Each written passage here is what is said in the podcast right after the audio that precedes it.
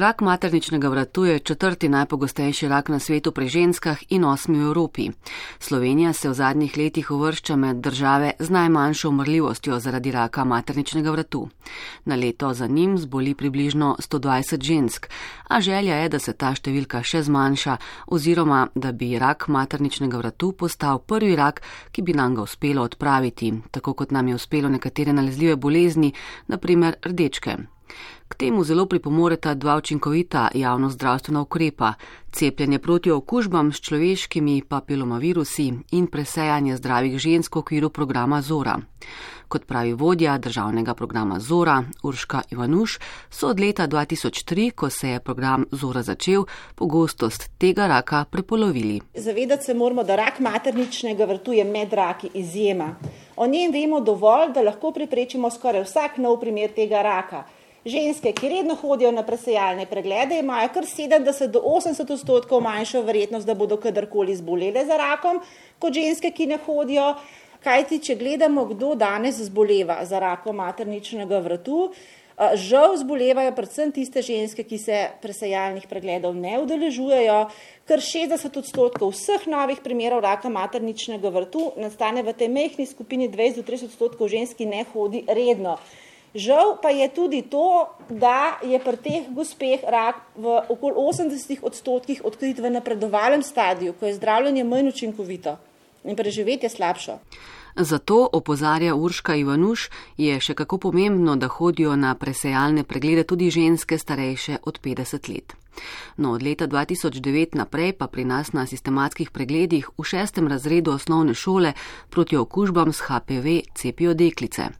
Cepljenje je brezplačno in priporočeno, saj zmanjša tudi pojav genitalnih bradavic. Nadja Šinkovec, specialistka javnega zdravja z Nacionalnega inštituta za javno zdravje. Cepljenje proti HPV, ki je eh, plačano iz obveznega zdravstvenega zavarovanja, pa pripada tudi zamudnicam. To so pa tista dekleta, ki so v šolskem letu 2009 oziroma 2010 obiskovala eh, šesti razred osnovne šole oziroma ki so obiskovala šesti razred osnovne šole tudi potem v naslednjih letih in njim tudi pripada cepljenje na stroške obveznega zdravstvenega zavarovanja. Za vse ostale ženske in pa tudi moške je pa cepljenje samoplačniško.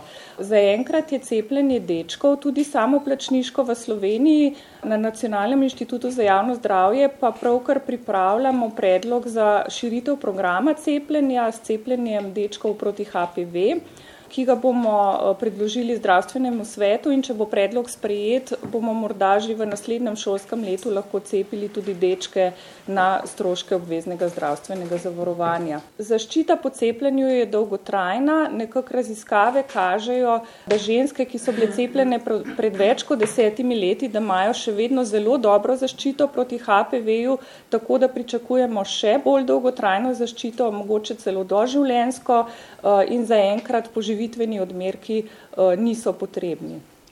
Približno polovica staršev se za cepljenje svojih čara ne odloči. Največji odstotek cepljenih deklic je na ravnah na Koroškem, več kot 80 odstotkov, najmanjši v Ljubljani, kjer je cepljenih le približno 36 odstotkov deklet. Zakaj se nekateri starši za cepljenje še vedno ne odločajo, pa doktorica Maja Primic Žakelj, predsednica Zveze slovenskih društev za boj proti raku.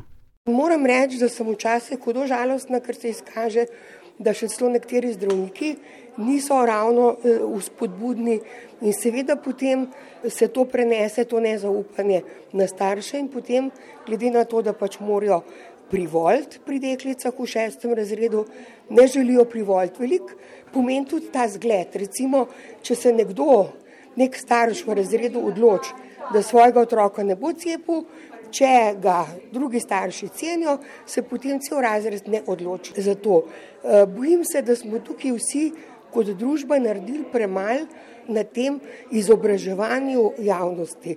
Ni dovolj, da mi en preventivni ukrep samo ponudimo. Pomembno je, da nam tako stroka kot tudi starši zaupajo, da uh, vedo, da bodo s tem naredili samo korist, ne pa škode svojim otrokom. In vsi veste, kako smo sploh v obdobju, ko se veča nezaupanost ne samo do cepljenja proti raku materničnega vratu, ampak proti vsem nalezljivim boleznim. In če mene vprašate, dejansko bi mogli te starši dati skozi tiš čas, ker smo ga dali mi v šoli. Jaz sem imela sošolca, ki je prebolel uh, poliomielitis in je bil zaradi tega hrom na eno nogo. Današnji mladi starši sploh ne vejo, kaj to je, ker poliomielitisa ni več. Ena izmed tistih, ki najprej ni podpisala soglasja za cepljenje svoje hčerke, a si je pozneje premislila, je tudi Tina Roš. Moja ščika je prišla iz sistematskega pregleda in prenesla samo en list, na katerem je pisala, pa če se strinjam ali pa ne strinjam pač z cepljenjem proti HPV virusu. Nobenih informacij in tudi ona mi ni znala nekako pojasniti, kakšno cepljenje, za kakšno cepljenje pravzaprav gre. In seveda, če kličeš v uh, zdravstveni dom, pa vprašaš, ne, ti da neke informacije, ok, rak materničnega vratu, cepljenje, želite, ne želite, ni obvezno, je brezplačno zdaj, lahko se pa odločite še kadarkoli kasneje. In to je neka taka informacija, ki sem jo takrat dobila. Potem ti pa jasno ne ostane drugega kot mame, ker se srečamo v šoli, si ti dala svojo hčer, nisi dala. In potem je pa v bistvu to prepričanje moje, da ne bom dala hčere cepeti, v bistvu temeljilo na podlagi pogovora z mamicami. Ne? In ena ima pač neke argumente, mene pa neka farmacevtka tako povedala, mene pa neka doktorica tako povedala, jaz sem pa dala cepeti, zato ker pač ne. In potem si pač sestaviš neko svojo sliko. No, in ker pač je to zdaj bilo nekaj petletnega poslušanja, pet let se isto pogovarjamo, recimo z mamice, ne, um, sem se pač imam bolj pozanimala, za kakšno cepljenje pravzaprav gre, doprinos tega cepljenja, kakšni bojo stranski učinki. Pravzaprav celo zgodbo sem si sestavila in sem se odločila popolnoma sama, seveda v pogovoru s čero. Name, na mojo odločitev ni vplival noben farmaceut, noben zdravnik, nobena mama, odločitev je bila pač najnane. In um, če se je zdaj že cepila, prvo cepljenje je imela zdaj 14 dni nazaj, sem pa na podlagi vseh pridobljenih informacij se odločila, da sem mu dala cepiti tudi jaz. Tina Ruž se spomni, da je bilo med starši prepričanje, da je preventiva, redno obiskovanje ginekologa in jemanje brisov dovolj za preprečitev HPV-ja. Ob tem pa pravi, da veliko deklet ne ve, da lahko po dopolnjenem 15. letu obiščejo ginekologa same in se ne le o cepljenju, ampak tudi o vseh drugih zadregah z njim pogovorijo brez vednosti staršev. Če res pride do kakšnih predrakavih sprememb, če res pride do česa, ne vem, kako bi svojih čeri odgovorila, zakaj, zakaj nisem podpisala, zakaj se nisem strinjala. Razlog za necepljenje je tudi bojazen pred morebitnimi zapleti in stranskimi učinki. Kot pravi Nadja Šinkovec, je bilo do zdaj po svetu razdeljenih več kot 70 milijonov odmerkov teh cepiv in izkazalo se je, da so to res varna cepiva. Pri nas na Nacionalnem eh, inštitutu za javno zdravje pa tudi imamo registr spremljanja neželenih učinkov po cepljenju. Tole so podatki iz našega registra. Se pravi, vidite, da teh neželenih učinkov je zelo malo. Najpogostejši neželeni učinki so bile lokalne reakcije, se pravi, to je bolečina, oteklina in pa rdečina na mestu oboda. Eh, pojavljajo se tudi blage zmerne reakcije, kot so povišana temperatura, utrujenost, slabost, glavobol, tudi kakšne omedlevice. Zdaj kakšnega eh, zelo resnega neželenega učinka, eh, kot je naprimer huda življensko ogrožujoča alergijska reakcija, ki pravimo anafilaksija ali pa šok, pa zaenkrat v Sloveniji še nismo zaznali. Tako da vse kaže na to, da so cepiva proti HPV zelo varna.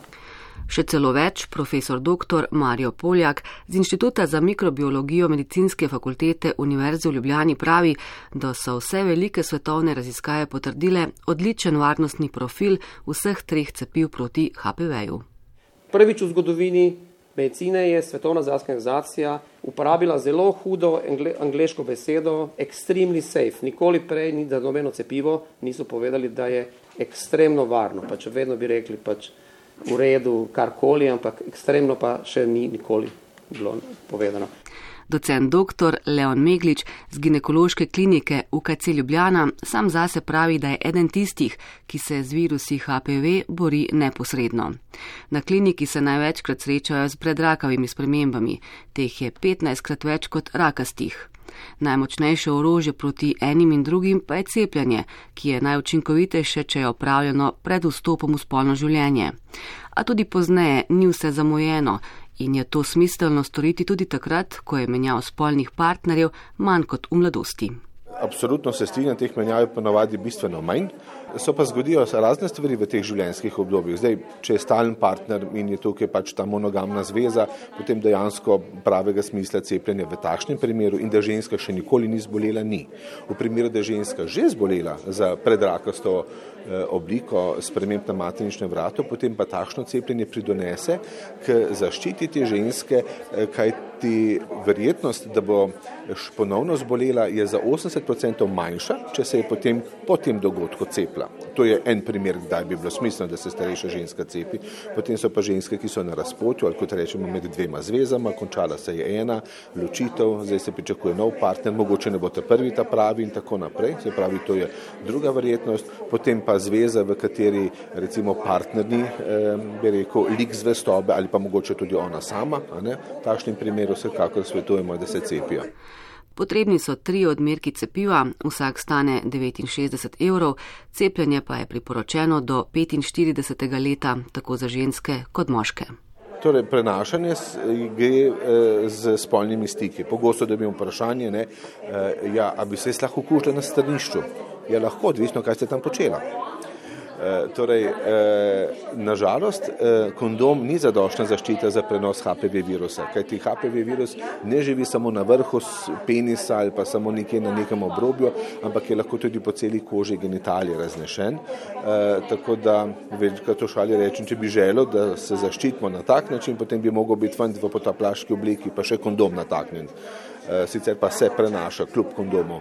Eh, se pravi, tukaj prave zaščite nimamo, prenos z moških na ženske seveda je.